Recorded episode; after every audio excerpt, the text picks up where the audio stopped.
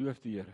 Ewige God en Hemelse Vader, wat 'n voorreg om vanaand ons deure te kon oopsluit, om vanaand te hê wat ons kan gebruik wat ons beskikking is te midde van die feit dat daar nie elektrisiteit is vanaand nie en ek besef net hoe bederf is ons met tegnologie en ons nuwe westerse wêreld. Vanaand is daar mense wat onder 'n boom sit en oor Christus praat. Dalk op 'n grasperk, dalk sommer buite onder die sterre om vanaand van sy grootheid besing. Here, dankie vir voorregte uit u hand uit. Ons besef dit nie eens elke dag nie. Ons is so ons is so geneig om net aan te beweeg en dit as van selfsprekend te vat, maar vanaand wil ons kom sê dankie. Dankie vir 'n gebou wat ons het wat ons kerk mag noem. Dankie vir heerlike sagte banke, dankie vir ligreëling, dankie vir dankie vir die klomp voorregte wat ons sommer so uit u hand ontvang elke dag. Vanaand as ons die woord oopmaak, wil ek bid Vader dat U met elkeen van ons sal praat. Dat vanaand wanneer ons hierdie boek na sy einde toe begin vat, Efesiërs, dat ons U sal raak sien van die hart van Christus en van eenheid en van die kerk en dat U vanaand vir elkeen van ons 'n woord sal hê. Is my gebed in Jesus naam en sê ons sê amen en amen. Efesiërs en ons is al vir die afgelope 9 weke besig met die boek Efesiërs. Ek dink vanaand is nommer 10 as ek reg is, Rietjie. En ons was nog net in die eerste 3 hoofstukke gewees van hierdie wonderlike boek Efesiërs. En ons het in Efesiërs 1 tot 3 'n paar dinge gesien en 'n paar dinge al vir mekaar gesê. En ek wil vanaand voordat ons aangaan in hoofstuk 4 wil ek dit weer vir jou sê sodat jy dit in die grootheid kan sien van waarvoor dit geskryf is. Want ek dink vanaand gaan jy begin sien hoekom Efesiërs vir ons gegee is. Ek dink dit is belangrik om dit raak te sien. Dis nie net 'n boek wat ek vers vir vers kan my eie maak nie. Dis ook 'n boek met 'n doel. En vanaand gaan ons by die doel kom van die boek Efesiërs. Dan gaan ons vir onsself moet begin vra wat doen Efesiërs met my? Doen hy met my wat hy moet my moet doen. En as dit nie gebeur het nie, dan moet ons bid dat dit met ons sal gebeur. Efesiërs 1, 2 en 3. En ons deel in daardie drie hoofstukke en ons het daardie teologiese begrip doktrine.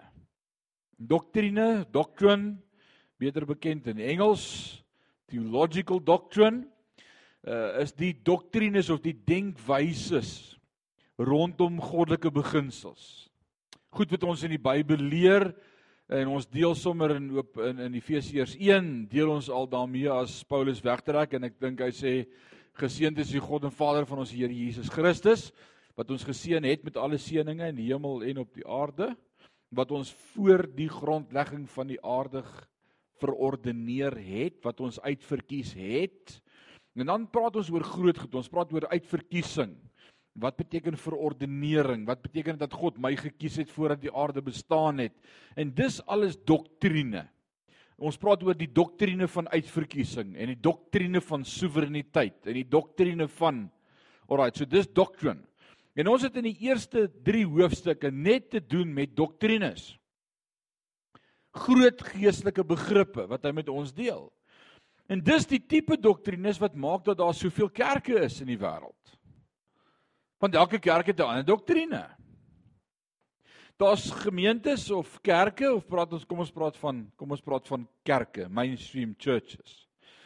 Wat 'n doktrine het dat yes, God het my uitverkies voor die grondlegging van die aarde en dis amazing ons doen met uitverkiesing en goed, dan sê ons ek het daarmee niks te doen gehad nie, dit was alles God in sy grootheid. Uh, maar dan glo hulle in 'n doktrine dat God nie meer deel met Israel as 'n staat of as 'n volk nie en dat ons nou Israel se posisie ingeneem het in die hedendaagse wêreld. So ons word geestelike Israel en die beloftes van Israel van Abraham kom outomaties op my want ek word deel van die verbondsvolk en dit noem ons verbondsteologie. Right? En as ons nou hierdie goed kyk in Efesiërs 1, 2 en 3 was dit die wonderlikste gewees om te sien hoe Paulus hierdie goed kom beskryf en vir ons kom verduidelik veral aan die einde van hoofstuk 2 as hy vir ons sê maar maar, maar daar's nou nie meer Israel en heidene nie. Julle is nou deel van 'n nuwe entiteit en dis kerk. liggaam van Christus. Bruid van God. God is nie klaar met Israel nie. Nee, God gaan nog steeds werk met Israel. As jy daarin enigstens twyfel, gaan lees wat skryf Paulus in Romeine 9:10 en 11. Romeine 9 gaan oor die verlede van Israel, Romeine 10 oor die hede van Israel en Romeine 11 oor die toekoms van Israel. En God is nie klaar met Israel nie. Maar ek word nie deel van Israel as ek deel word van die kerk van die Here Jesus Christus nie. Ek word deel van die bruid van Christus, van die liggaam van Christus. Alraight. So al hierdie moeilike goed wat ons baie keer dink moeilik is, het Paulus gekom en vir ons maklik en eenvoudig verduidelik Jy's in Christus. Jy's 'n nuwe skepsel. God het 'n plan met jou voor die grondlegging van die aarde reeds hy jou gekies sodat jy kan deel wees van hom. Nee, jy's nie meer Jood nie, nee, jy's nie heidene nie, jy's deel van die kerk. Daar's eenheid tussen jou en God. Daar's verhouding. Hoofstuk 3 vers 1, 2 en 3 kom en dan sê hy: "Julle wat tevore dood was, weens die misdade van julle sondes al kronkelend geleef het in hierdie wêreld. Hy het julle lewend gemaak. Julle is nie meer dood nie, julle is lewendig. Julle is in 'n verhouding met hom. Julle is nuut. God werk onder julle, God werk met julle, God werk deur julle, God werk vir julle. Alraight. So dis hierdie awesome gedeelte van hoofstuk 1, 2 en 3 en wat kan ons uit hoofstuk 1, 2 en 3 uit dan sê? Wat beskryf Paulus? Dan wil ek een ding vanaand sê, ek wil sê ons eenheid met God. En dis wat hy kom skryf in hoofstuk 1, 2 en 3. Niks kan jou skei van die liefde van Christus nie. Selfs wat hy vir ons sê in Romeine 8 vanaf vers 29, 30, 31, 32. Wat sal ons skei van die liefde van Christus? Hoogte, diepte, bose magte, owerhede, honger, swaar, gevaar, naakte. Niks kan ons skei van die liefde van Christus nie. Kan jy sê amen? En dis wat hy kom doen in hoofstuk 1, 2 en 3 van Efesiërs. Hy kom sê vir jou daar's 'n een eenheid tussen jou en God. En ek wil sê dis die vertrekpunt vir hierdie boek. En ons moet dit eers onder die knie kry voor ons kan aanbeweeg na hoofstuk 4, 5 en 6 toe. Daarom kom hoofstuk 1, 2 en 3 en hy deel met die doktrine en dan kom hoofstuk 4, 5 en 6 en dan praat hy prakties met ons oor hoe lyk dit nou as ek verstaan ek het 'n een eenheid met God, hoe werk ek met my medemens? En baie keer het die kerk hoofstuk 4, 5 en 6 gepreek as so moet 'n gemeente lyk, so moet jy lyk, so moet jy optree. Vrouens wees onderdanig aan julle mans, kinders luister vir julle ouers. Moenie so wees met jou werknemers nie, werkgewers wees nice met hulle. Dis 'n stel reëls en wette en ons het dit probeer hou en wie weet dis baie moeilik. Wie kan sê amen? Al die vrouens kan nou sê amen. Dis moeilik om te submit aan jou man. Dis moeilik. Dis moeilik. En dan sê die woord nog aan jou eie man ook. As hy man net was soos my baas by die werk, want hy verstaan my. Maar my man verstaan my nie. Nee. Jy sien dis 'n stel reëls wat ons probeer hou. Maar vanaand gaan ek vir jou wys dis nie 'n stel reëls nie, maar dit gaan alles rondom verhouding. Want dis waaroor hoofstuk 1, 2 en 3 gaan oor my verhouding met God en sy verhouding met my. En daar 'n eenheid is tussen my en God. My enigste troos in lewe en dood is dat ek in Jesus Christus behoort. Deur sy kosbare bloed het hy my vrygekoop. Hy's my anker my vaste rots. Ek behoort nou aan Jesus. Niks sal my ooit weer van hom kan skei. Met sy kosbare bloed het hy my vrygekoop. Dis wat dis wat Efesiërs 1 2 en 3 vir ons kom verduidelik. Wanneer het hierdie goed gebeur, kan jy vra? Voordat die begin in die begin was. Oh.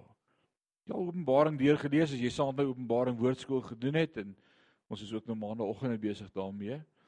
Wat sê Johannes in Openbaring hoofstuk 4 en 5 as hy beskryf die kerk is in die hemel en daar die bruilofsfees en dan sê hy ah daar was groot hartseer want niemand is waardig gevind om die boek oop te maak en sy seels oop te maak nie en dan en dan beskryf hy die lam van God wat op die toneel verskyn Jesus Christus en die engel sê dit so mooi hy sê then the lamb appeared slain from the beginning of foundation Ek dink nie ons besef wat so groot woorde is dit nie. Wanneer het Jesus vir my en vir jou die prys betaal? Aan die kruis? Die kruis was net die volbringing en die kulminasie en die hoogtepunt van alles. maar dit van die begin van die skepping af gedoen. Dit gaan die prys wees. Ek gaan my lewe neerlê. I will give my life. Dit was nie 'n plan B nie. Dit was nie 'n quick fix nie. Dit was nie kom ons maak 'n plan en sit en dink nie. Nee, van die begin af voor God jou en my geroep het, het hy geweet it's going to cost my life. Dit is nie amazing nie. Waarvoor het hy sy lewe gegee? Hoekom het hy my geroep? Sodat daar eenheid kan wees tussen my en God. En ek dink dis die nommer 1 ding wat die duiwel in ons dalk kom aanval en kom twyfel saai en ek wil vanaand sê die plan van die duiwel is nog presies dieselfde of sy metodiek is presies dieselfde as in die tuin van Eden reg aan die begin van die skepping. By Pel Wouter sê altyd die duiwel se kop is so plat hy kyk onder deur die wit streep van 'n teerpad. En ten spyte van dit vang hy ons elke dag. Wat wat wat was sy metodiek geweest met Eva in die tuin? Het God regtig gesê? Is dit regtig so? Het God regtig 'n plan? Jy stap jy uit met Efesiërs 1, 2 en 3 in jou hart en wat sê die duiwel vir jou in die week as jy besig is met jou dinge? Het God regtig jou gekies? Behoort jy regtig aan God? Het hy regtig 'n plan vir jou lewe? Is jy regtig in hom en hy in jou? Is jy regtig deel van die bruid van die Here Jesus Christus? Dis die vraag waarmee hy met nou in jou toe kom. Twyfel. En dan wanneer ons Efesiërs 1, 2 en 3 onder die knie het en verstaan jou posisie in Christus en ek moet dit vanaand weer sê en dit lyk vir my ek gaan dit baie sê van nou af want ek wil hê jy moet dit verstaan en as jy dit verstaan verander dit jou lewe. Daar's 3 posisies. As ons praat van heiligheid. Die eerste een is jou posisionele heiligmaking. Wat is jou posisie in Christus nou dat jy jou hart en lewe vir hom gegee het? Wie's jy vandat jy gesê het U is koning van my hart en koning van my lewe? Christus het jou kom vat en hy het hom in hom geplaas en hy het jou geheilig. Die oomblik toe jy jou hart en lewe vir God gee, is jy posisioneel heilig voor God. Jou posisie is kind van God. Niks kan jou posisie verander nie. Jy's erfgenaam van Christus. Daar's daarom een amen. Dis goeie nuus vir die res, is dit ou nuus. Ek wil sê amen. Amazing. Skree sommer haleluja. Dis great. So jou posisie is in Christus. Dis wie jy is.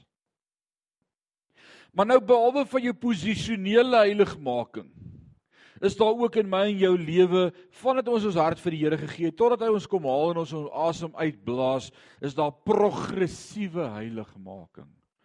En die woord praat daarvan as heiligmaking. Waarsonder ons God nie sal sien nie. Daardie proses van verander daai proses van anders begin dink, anders begin doen, anders begin optree. Paulus skryf in Romeine 12 vers 1, dan sê hy dis julle redelike godsdiens dat julle wat sal doen? Julle liggame sal gee as lewende heilige en in God welgevallige offers. Dis julle redelike godsdiens. Vers 2 sê, hoe kry ek dit reg? Word nie gelykvormig aan hierdie wêreld nie, maar word vernuwe deur julle gemoed. Kry 'n ander manier van dink toe ek in die wêreld was en ek was sad geweest, het ek na die bottel gegryp om my by te maak. Nou is ek in Christus. So hoe gaan ek nou bly raak? Het ek nog die bottel nodig om bly te raak? Daar's 'n nuwe manier van blydskap. Die blydskap van die Here is my beskutting. Ek kan worship, ek kan met hom praat. Ek kan sommer net bewus word van sy grootheid. Ek het nie meer 'n bottel nodig nie. Pastoor Tini Barnard in ons gemeente in Rustenburg het altyd gesê, toe ek in die wêreld was, was dit oude meester. Nou in Christus het ek 'n nuwe meester. Dis dis reg. Ek sê nie as jy drink gaan jy hel toe nie, ek sê net. Ons motiewe verander. God het ons hart kom verander. Hy het my kom wys daar's 'n nuwe manier van dinge doen. Ek doen dit nie meer soos toe ek in die wêreld was nie. Ek is nou in Christus. Progressiewe heiligmaking. En wie weet in jou progressiewe heiligmaking soms voel jy naby die Here en jy voel soos 'n kind van God en soms voel jy as die Here nou kom bly ek agter. En dis deel van ons verhouding met God. Want dit hang nie af van hoe jy voel nie. En jy gaan nie hemel toe as jy voel jy gaan hemel toe nie. En jy gaan nie hemel toe omdat jy voel jy gaan nie hemel toe nie, jy gaan hemel toe omdat Christus vir jou gesterf het en jou naam geskryf is in die boek van die lewe. Jou posisionele heiligmaking is in hom. Nou kom daar groei, progressiewe heiligmaking. Ons werk daaraan, ons bid, ons sê Here, nee, ekskuus, sorry, ek dink so, gee my 'n nuwe manier van dink. Toe ek in die wêreld was, het ek met my vrou gepraat asof sy my vloerlap is. Nou is ek in Christus en ek bestaan ewe skielik verstaan ek daar's liefde en respek en uh, sorry Here, vergewe my, help my om te verander. Dis net God wat dit kan doen.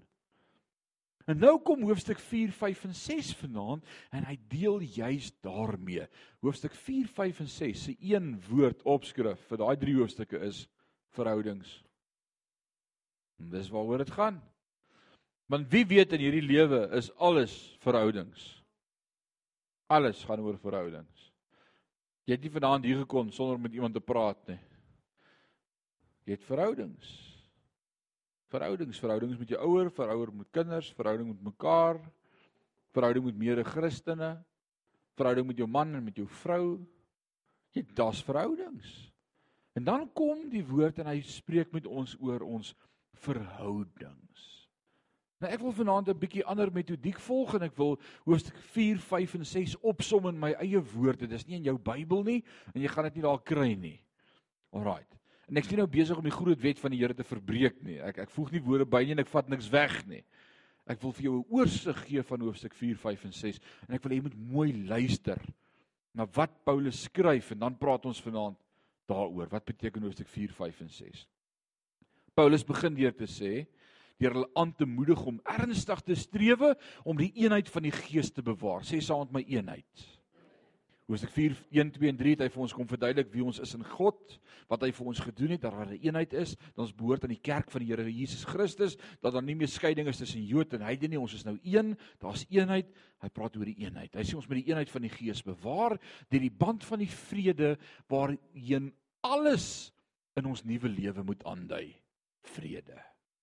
Christus het aan elkeen van ons gawes gegee om ons mee saam te bind in die volheid van Christus, al hierdie verskillende gawes moet vir ons 'n een eenheid bewerk soos ons dit vir mekaar gebruik.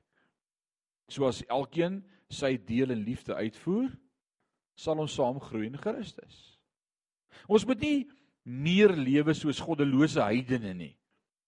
Daar is aan julle gesê om Christus te ken beteken om die ou mens af te lê, julle denke te vernuwe en met die nuwe mens bekleed te word. Daarom moet julle nie meer leuns vertel nie of kwaad raak nie en julle moet eerder met mekaar deel en omgee vir mekaar. Moenie moenie ander afkraak nie. Moenie die Heilige Gees van God bedroef nie. Maar bou mekaar op. Wees vriendelik en vol ontferming teenoor mekaar. Vergewe mekaar soos God in Christus julle vergewe het. Wees navolgers van God soos geliefde kinders en wandel in liefde, net soos Christus ons ook liefgehad het en hom vir ons oorgegee het. Moenie moenie lewe soos toe jy in duisternis was nie.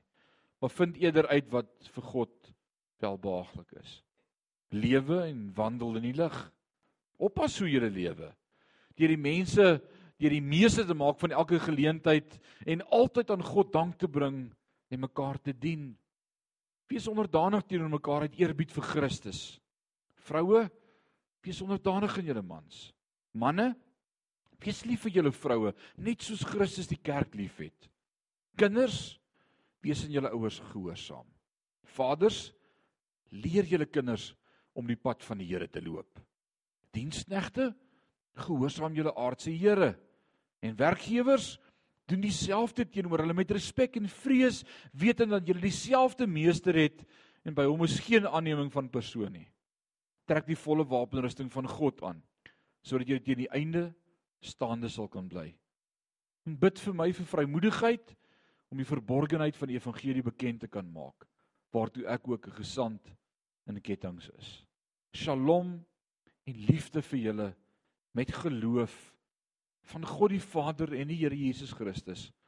Genade sy met julle almal.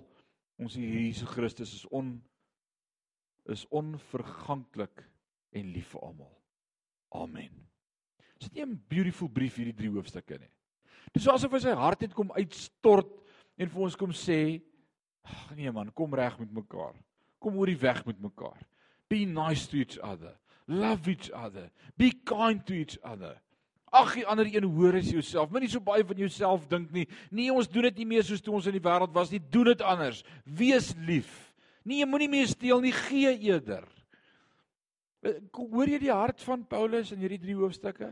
So dis nie 'n stel reëls nie. Hy wil sy hart kom deel en vir ons kom sê, daar's 'n ander manier hoe ons as kinders van die God met mekaar moet oor die weg kom. Sê saam met my ander manier. En ek dink dis wat in ons lewe kort, daai ander manier. Ons ons weet ons is in Christus. Ons weet ons is 'n nuwe skepsel. Ons weet alles het nuut geword, maar maar hoe? Wat? En ek dink dis wat Efesiërs 4, 5 en 6 vir ons kom leer en vir ons kom wys. Ons moet in eenheid en in liefde leef deur die genade van Jesus Christus. Hoofstuk 4 vers 1 sê: Ek vermaan julle dan ek die gevangene in die Here om te wandel waardig die roeping waarmee julle geroep is. Sê saam met my is. Hy sê jy is geroep, jy's in Christus, jy het 'n roeping op jou lewe. En dalk sit jy vanaand hier en sê maar ek weet nie wat is my roeping nie. Wel jy gaan dit vanaand met 'n skok agterkom. Hou vas. Jy gaan nie vanaand hier uitstap sonder om te weet wat is jou roeping nie. Alraight? So jy's op die regte plek vanaand as jy nie weet wat jou roeping nie. As jy weet wat jou roeping, hoop ek jy leef dit klaar uit. Want dis hoekom Paulus hierdie brief skryf. Imagine saam met my, hy sit in Rome, in die tronk, in die gevangenis, hy's verhoor afwagtend. Enige oomblik kan die keiser besluit, vandag is die dag wat ek na Paulus wil luister, en hy het geluister en ons weet ook die einde daarvan was wat het gebeur met Paulus. Weet julle wat was Paulus se einde gewees? Hy's onthoof. Right? Nero het besluit ek het genoeg van jou gehad.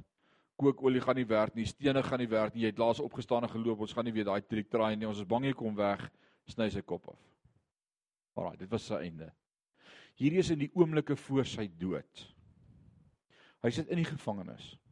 Hy sit nie in sulk nie, hy is nie depressief nie, hy kry homself nie jammer nie. Hy sê ek verstaan my roeping en ek is 'n geroepene van God. En hy skryf hierdie gemeente aan die Efese.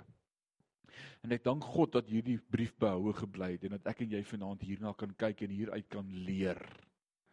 Nou hoor, wat is Paulus op die laaste oomblik van sy lewe besig om te deel met die kerk van die Here Jesus Christus? En weet jy wat praat hy oor? Eenheid. En as ek nou vanaand wil sê wat is die nommer 1 ding wat die duiwel die meeste probeer in ons tyd, dan is dit verdeeldheid. Het jy al Castaway gekyk, die fliek? Wie speel in die fliek Castaway? Tom Hanks. Hanks.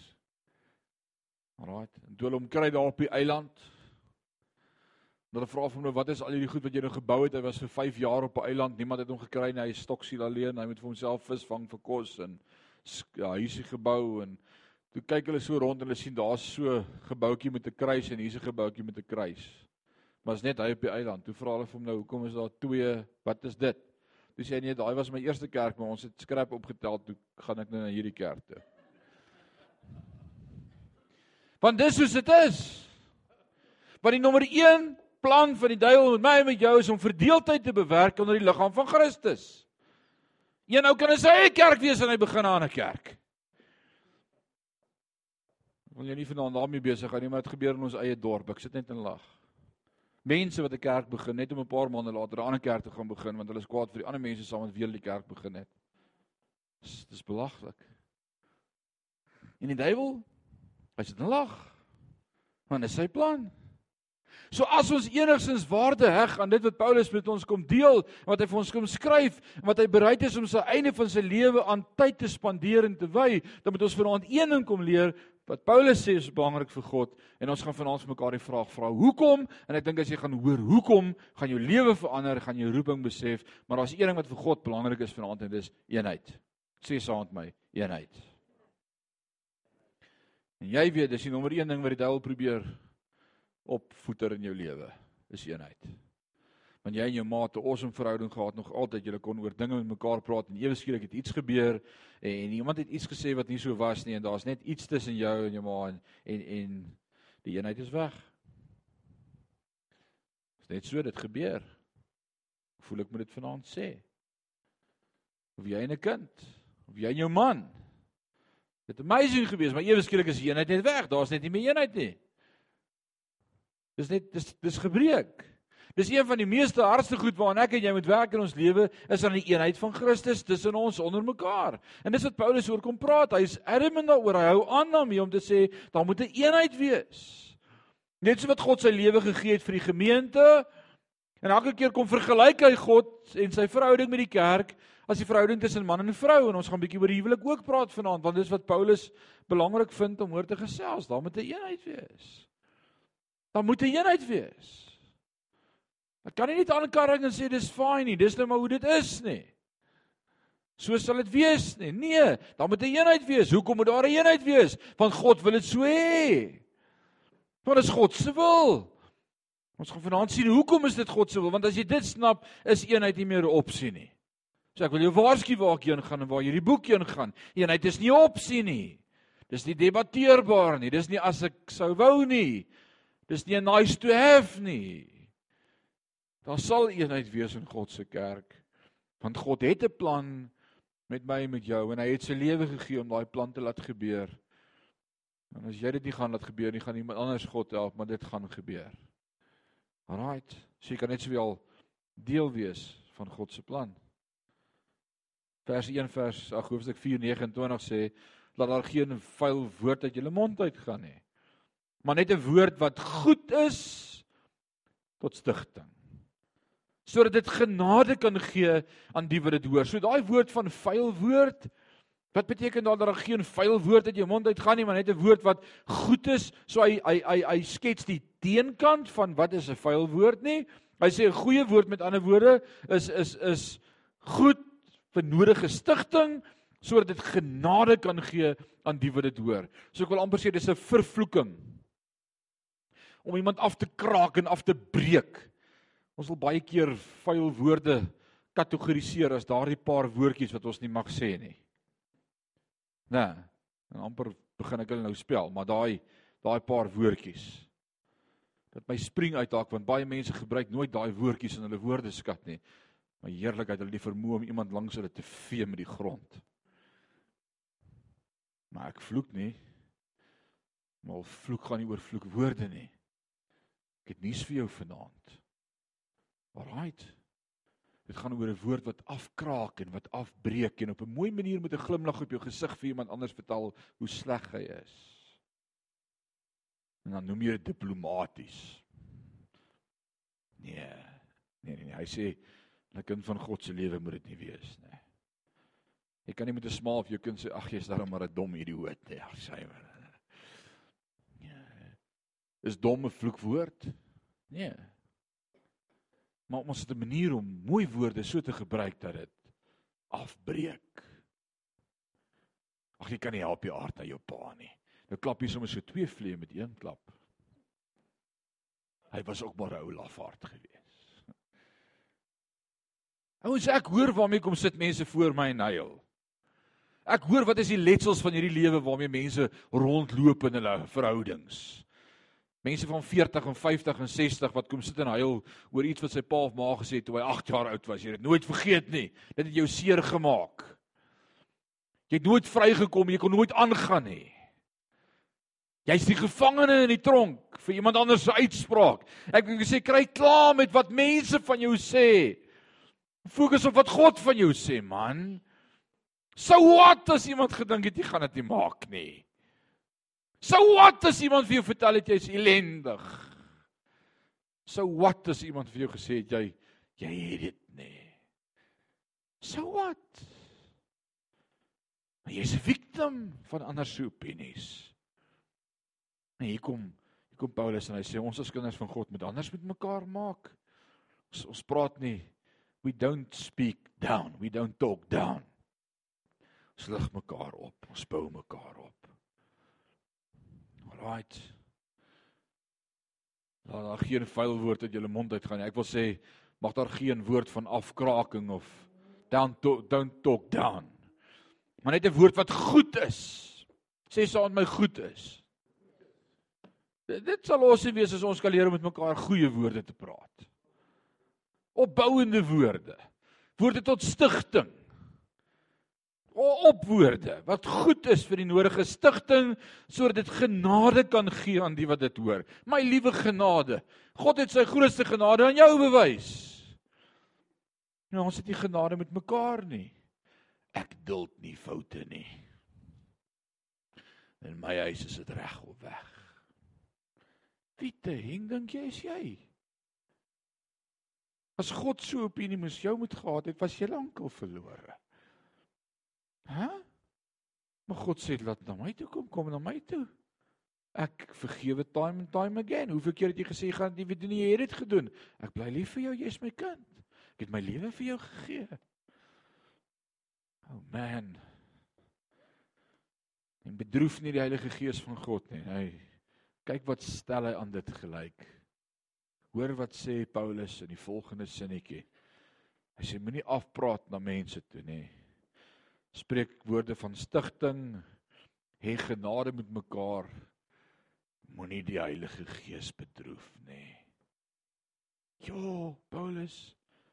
Hoor wat stel hy gelyk in mekaar. Hy sê wanneer jy afpraat na mense toe. Ag bly nie stil jy weet niks. Hy sê dan bedroef ek die Heilige Gees. Hoekom? Want ek bewerk nie eenheid nie. Ek's nie besig om 'n eenheid te bewerk nie. Ek ek ek verbreek eenheid. Hy sê alle bitterheid en woede en toorn en geskree moet ek dit herhaal en geskree en moenie nou amen sê nie hoor verkeerdheid dan gaan almal weet jou man praat hard met jou by die huis en geskree en lastering moet van julle verwyder word dit moenie onder julle wees nie saam met alle boosheid maar wees vriendelik hy sê hoe moet jy optree hy sê wees vriendelik met mekaar en vol ontferming teenoor mekaar en vergewe mekaar soos God ook in Christus julle vergewe het. Nou wil ek gou 'n vraag vra. En ek wil jou nou teologie vanaand deurmekaar krap nie. Ons moet net nie aan mekaar se teologie krap nie. Wel, hier gaan ek nou. Ek het dit nou klaar gesê, so ek gaan dit doen. Woord sê dat jou ja jou ja wees, so hier kom dit. As God jou voor die grondlegging van die aarde reeds gekies het. OK? Reeds geweet het jy gaan sy kind wees. En as Jesus sê dat hy die prys al van voor die grondlegging van die aarde af betaal vir jou en vir my. Dat daardie dag op Golgotha net die it, it it was just the happening. Dit was net die die culmination that he did it from the beginning. Right. Alright. As as dit so was, wanneer het God ons dan in Christus vergewe?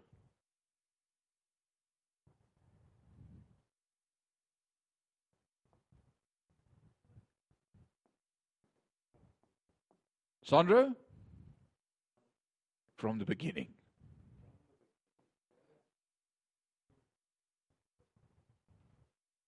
From the beginning. As jy weet hoe groot is dit? Wanneer het God jou vergewe?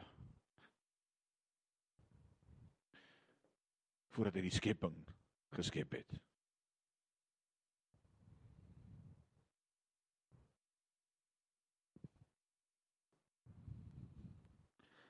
Dan jy besef jy wanneer het God jou vergewe voordat die begin begin was. Nou wil ek 'n vraag vra. Hoe vergewe ons mekaar?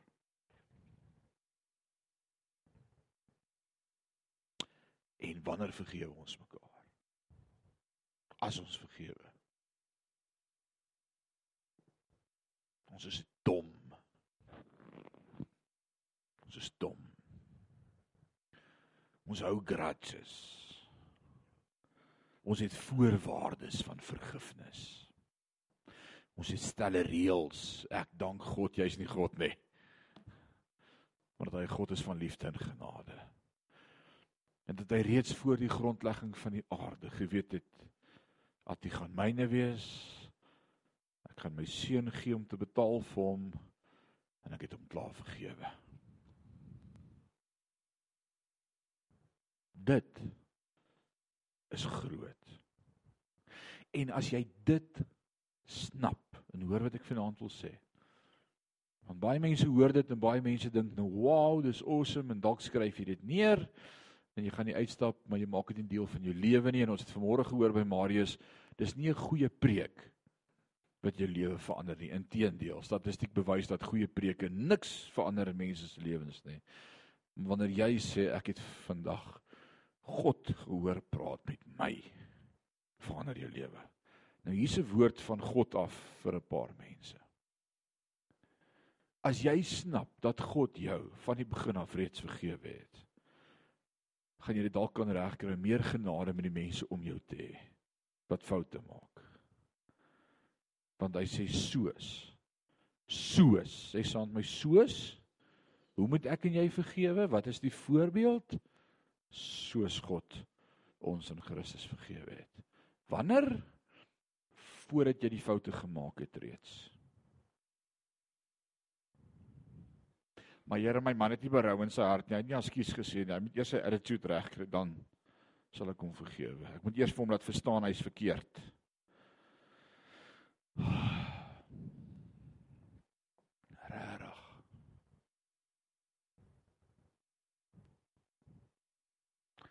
Dit is nie hoe liefde werk nie. Liefde vergewe voordat die ander party eers die fout maak.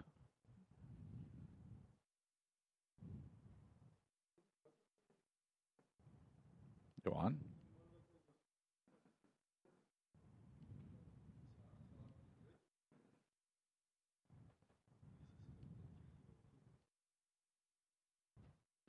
Jesus het almal vergewe voor die grondlegging van die aarde.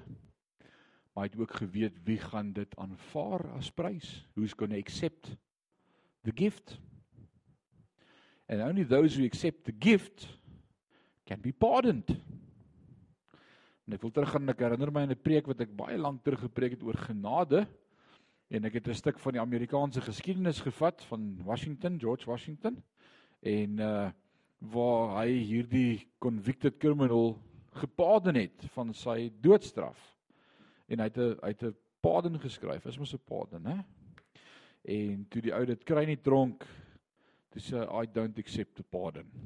En toe is daar 'n hooggeregsaak aan wat sê when is the pardon valid? I mean die president het 'n pardon geskryf vir die ou. Die ou sit in die tronk. Hy sê hy aanvaar nie die pardon nie. So moet hy nou vrygelaat word of moet hy die doodstraf kry? En toe die uitspraak van die Hooggeregshof A pardon can only be a pardon once accepted. Hmm, dis so. En ek dink dis die hartseer van die mensdom. Dat God almal vergewe het, but they didn't accept it. Maar wat is God se hart? Petrus sê dit vir ons, dis die wil van God dat niemand verlore sal gaan nie, maar almal die ewige lewe sal beerwe. Dis God se wil, dis sy hart. Hy het vir almal dieselfde prys betaal, maar hy het voor die grondlegging van die aarde reeds geweet wie gaan dit aanvaar en wie nie. Ek dink dis die sad deel. Hy het geweet wie gaan dit nie kies nie, wie gaan dit nie aanvaar nie, wie wil dit nie hê nie. Alraight. Dis die hartseer deel. Dis ek het nou amper geantwoord so wat Jesus vir Petrus geantwoord het wat sê vlees en bloed het dit nie aan jou geopenbaar nie. As jy dit verstaan, verander jou lewe. Ek is nie meer 'n sondaar nie. Ek is 'n kind van God, wedergebore Ek is posisioneel in hom geheilig, geregverdig. As hy na my kyk, sien hy nie 'n sondaar nie, hy sien sy kind.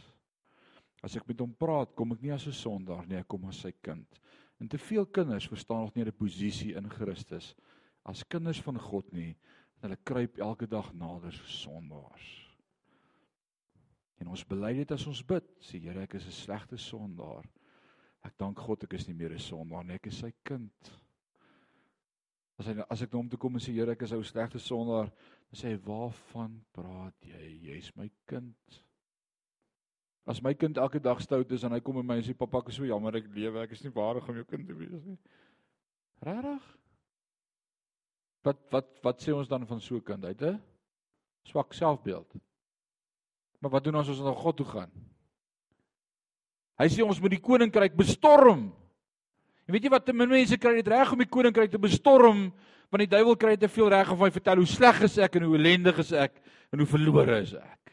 En ek dink dis een van die redes hoekom ons so swak is in ons geestelike lewe, is omdat ek nie my posisie in Christus verstaan nie.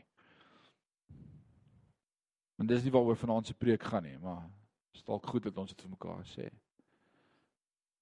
Posisioneel is ek geheilig en geregverdig in Christus. Klaar, dan. Beteken dit kinders van die Here val nie? Nee, Paulus sê in Romeine 7, die dinge wat ek nie wil doen, dit doen ek en dit wat ek wil doen, dit doen ek nie. Ek sukkel daarmee. Maar hoe gaan ek nou na God toe? Want ek bestorm nog steeds die koninkryk en ek praat nog steeds met God. Maar ek is nie jammer ek lewe nie. Ek sê die Here, ek het vandag weer geval. Maar dank God het vir my reeds daarvoor betaal en ek is meer as 'n oorwinnaar.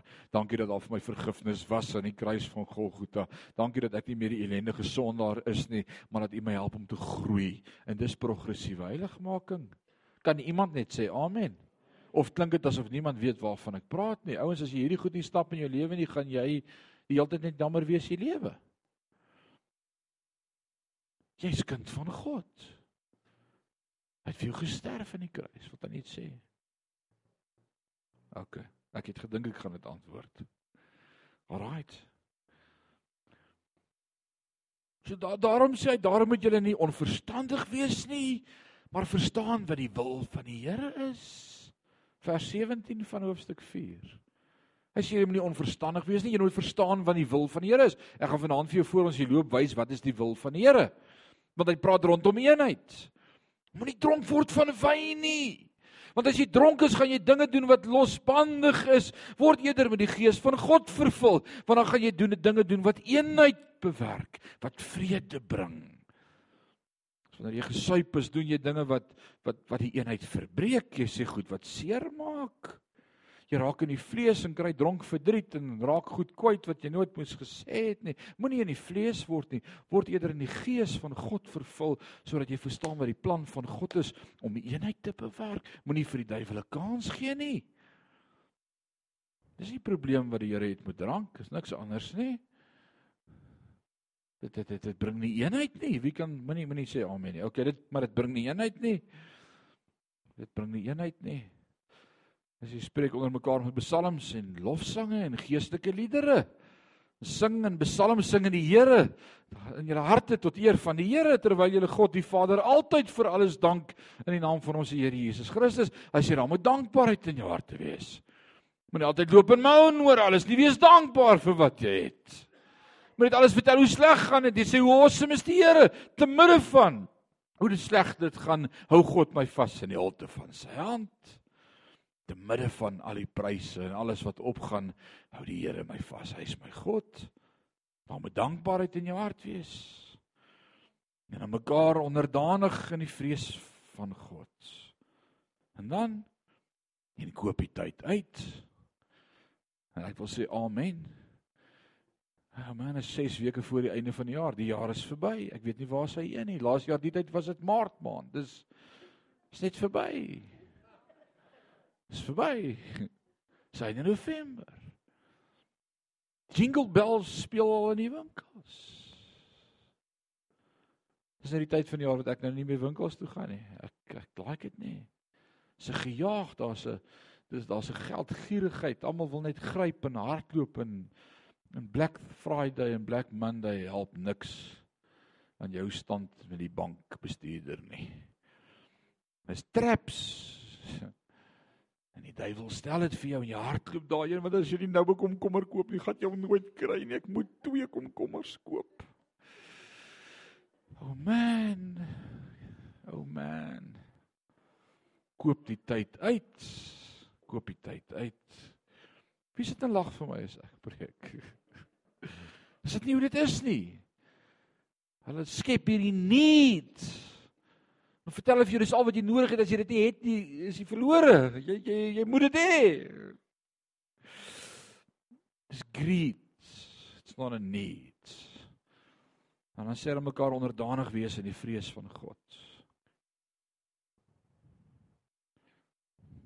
Vers 4 van hoofstuk 6 praat hy met die vaders.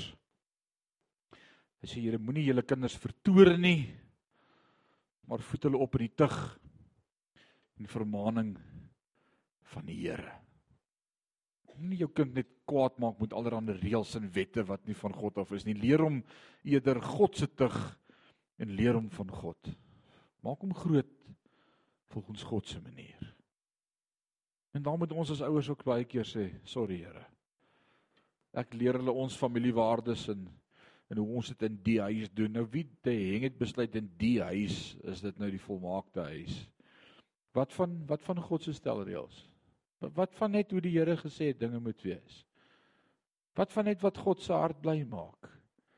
Is is dit nie net is dit nie hoe maklik dit is om om kind van God te wees, nê? Lewe net soos wat God wil hê jy moet lewe. Heerlikheid. En dan praat hy met diensknegte en en werknemers en en werkgewers. Hy sê diensknegte moet wees wees gehoorsaam aan julle werkgewers, aan julle Here met 'n klein h na die vlees. Oh, moet hy dit nou bygesê het soos aan Christus? Regtig? As God vir jou 'n ding sê om te doen, sal jy dit doen. Meneer Beileveld?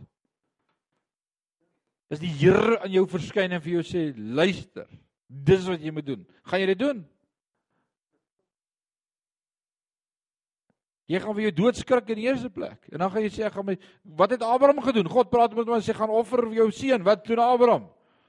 Hy sê, "Kom, hallo, how are you? What to O Sarah, ek gaan vir Isak offer."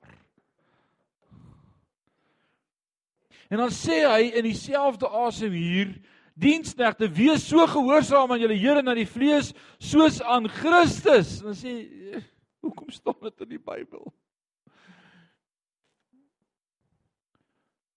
En ek dink ons werknemers en en ek moet eendag dalk net 'n 'n dag seminaar aanbied vir al Sion se werknemers, almal in Sion wat nog werknemers is.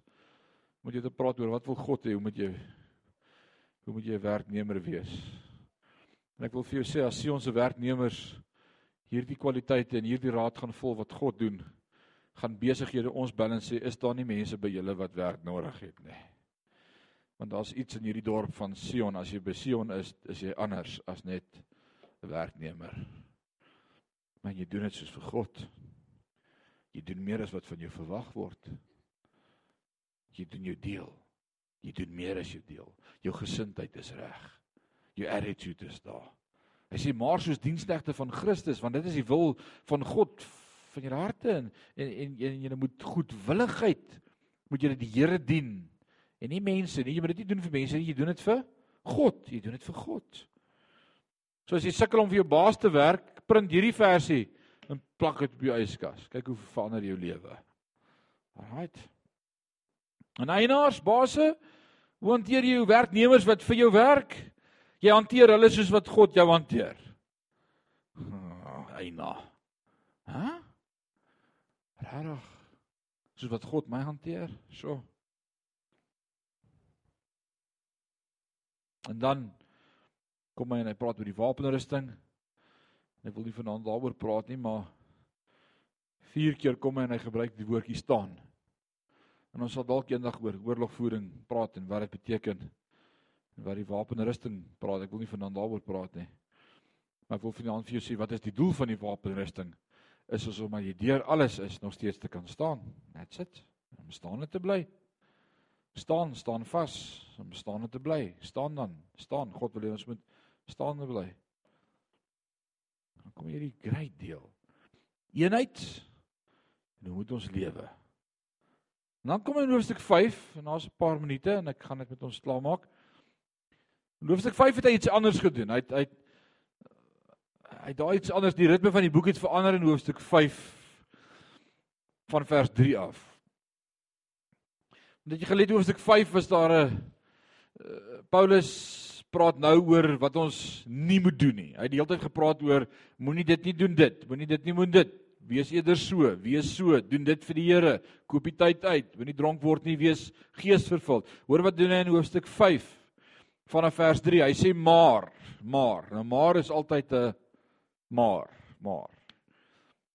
Maar hoerery en allerlei onreinheid of hebsug moet onder julle selfs nie genoem word nie soos dit die heiliges betaam.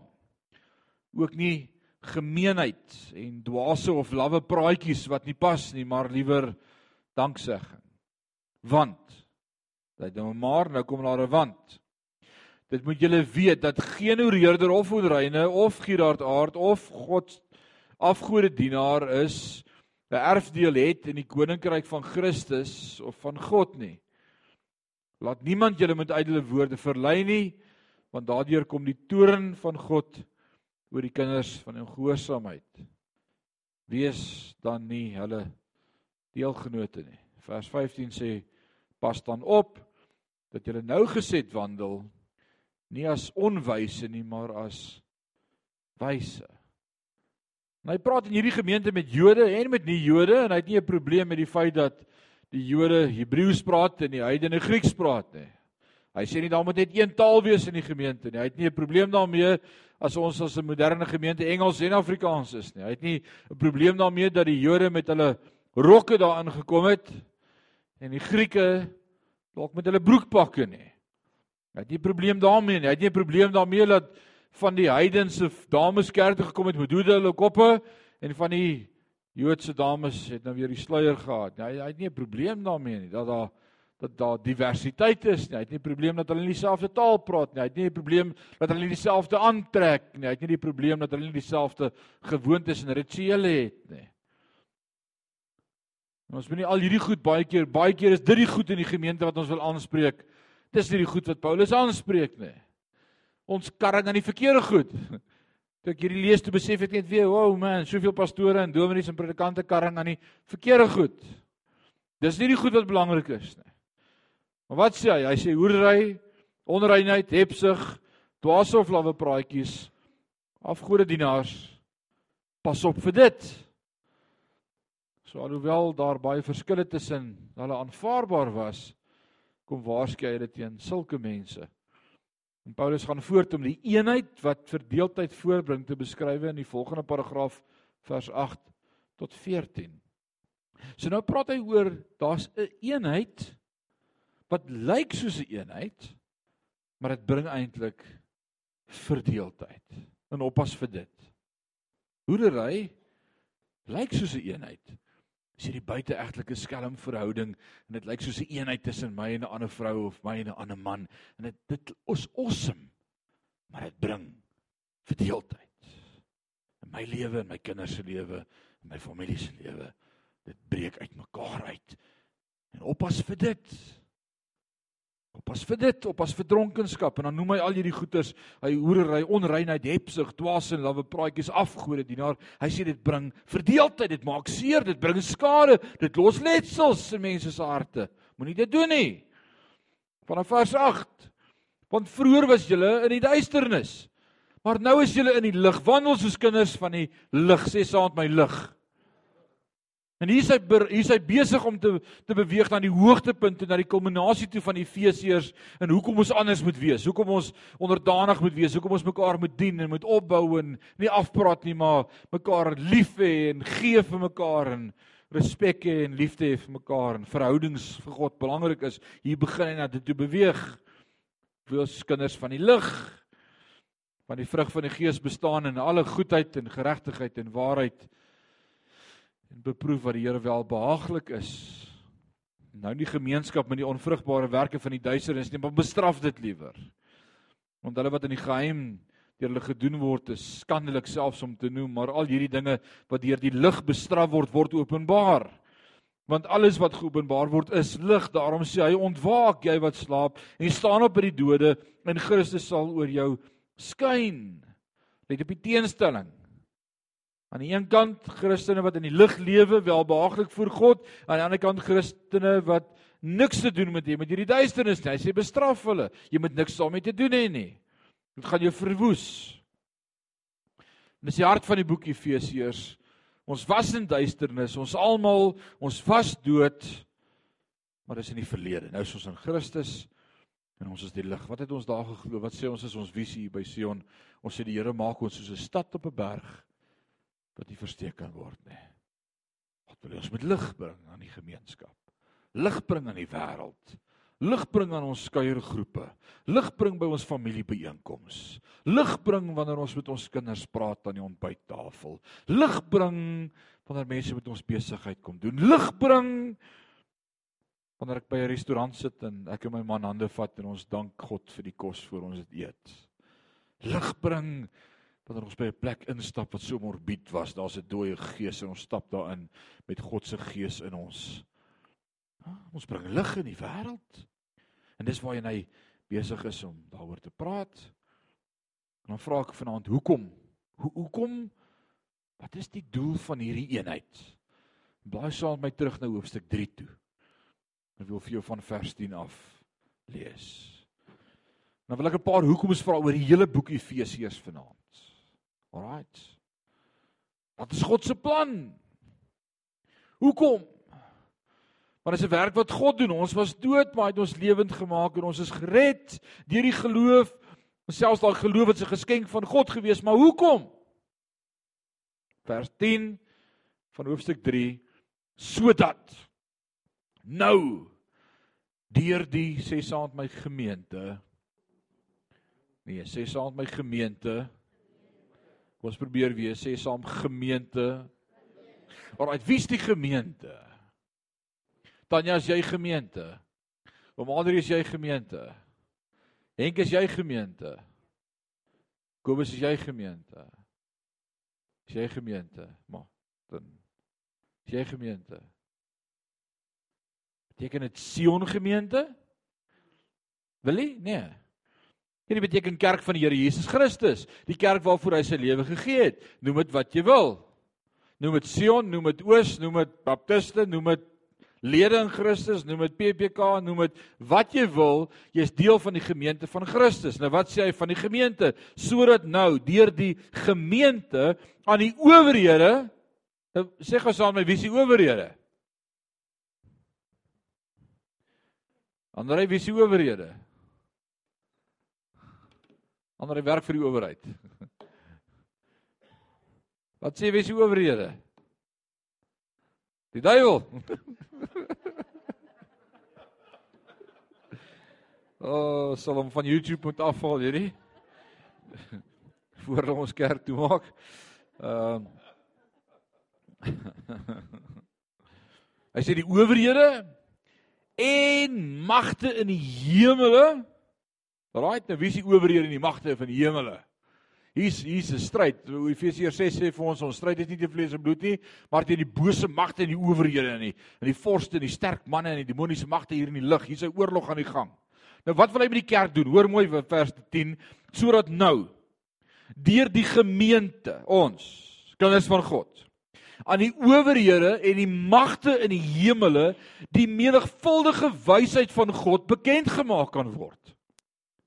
God gebruik my en jou as deel van sy plan wie hy voorbeskik het, wie hy uitget kies het van die begin af, wie hy sy kind gemaak het vir wie hy sê hoe ons in ons verhoudings met mekaar in die eenheid moet lewe in liefde ek en my man met liefde ek en my kinders met liefde ek en my ouers met liefde ek en my baas en my baas met my met respek.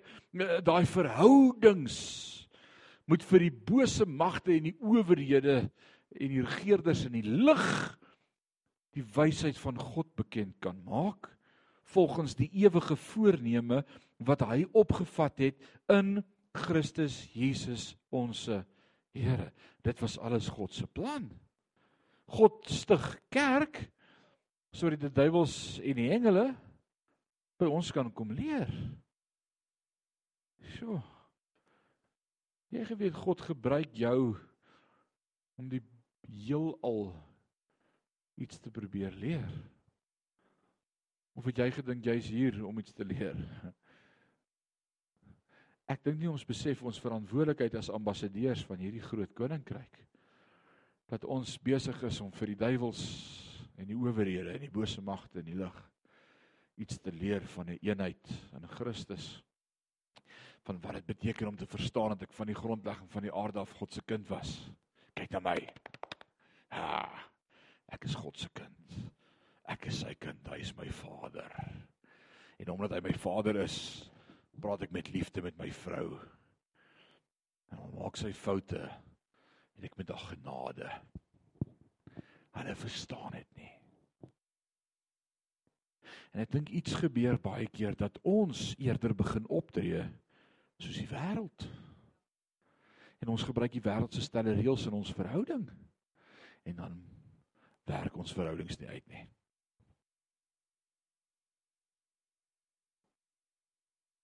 Jo. En daarom moenie jou met duisternis meng nie. God se lig moet deur jou skyn. God het 'n plan. En mag ek en jy vandag opnuut besef Ek is deel van God se plan. En dis alles genade. Is dit nie amazing nie? En dan kom die einde van hoofstuk 6 en dan sê hy nou dat jy dit verstaan.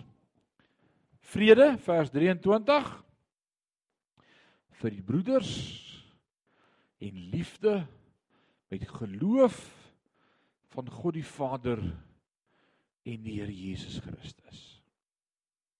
Die genade sy met almal wat ons Here Jesus Christus in onverganklikheid liefhet.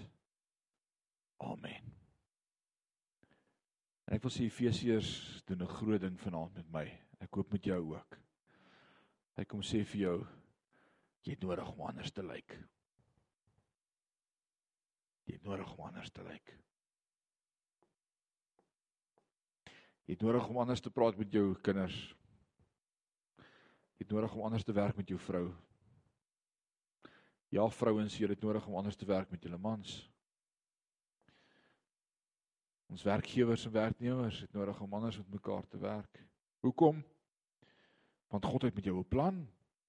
Jy is of deel van sy plan. En jy wys vir die heelal hoe lyk iemand wat onder die gesag van God staan? Of jy word maar net eenvormig aan hierdie wêreld. Romeine 10 Romeine 12 vers 2 sê word nie gelykvormig nie, maar word verander. Maar dan wil ek vanaand bid en sê Here, verander my. Verander my.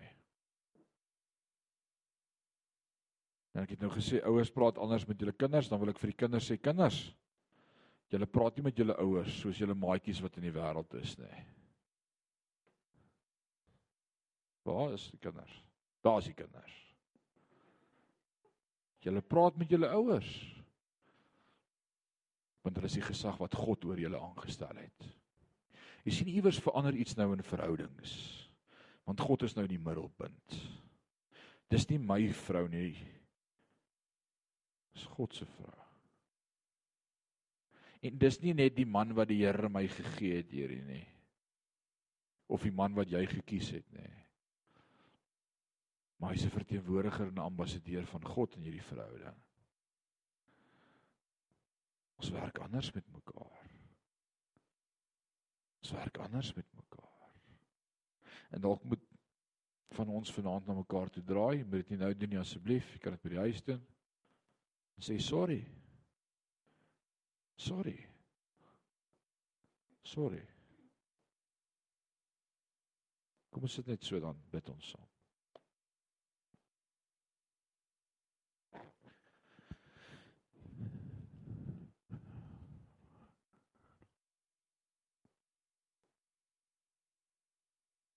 Vader. Ons vanaand niks meer om te sê as wat u woord sê nie. Ek dink nie ek het iets nodig om by te voeg nie. Want u het klaar gesê. Ons wil dan net vanaand kom respond vanaand kom reageer op u woord. En ek het nie vanaand 'n ander woord as om te sê sorry nie. Ja, dankie dat U hierdie awesome goed in my lewe doen. En dankie dat ek die ewige lewe deelagtig geword het en dankie vir genade. Dankie vir die hemel.